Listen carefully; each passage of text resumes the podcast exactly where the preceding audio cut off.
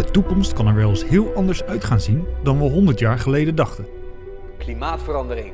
Die donkere wolk die eraan zit te komen als we op deze manier doorgaan. Het klimaat leidt onder keuzes van de mens en een wereldwijd toenemende vraag naar energie.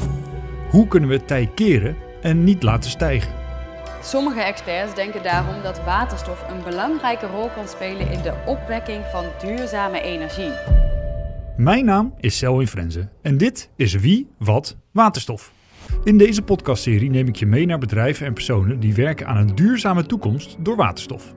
Wat is waterstof? Hoe komen we eraan? En vooral, wat kunnen we ermee? Kunnen we er straks mee gaan racen? Kan het gebruikt worden voor de industrie? En wat is de impact van waterstof op havens? Ik ga voor jou op onderzoek uit om het antwoord op al deze vragen te vinden. Abonneer je nu op Wie Wat Waterstof en mis geen enkele aflevering.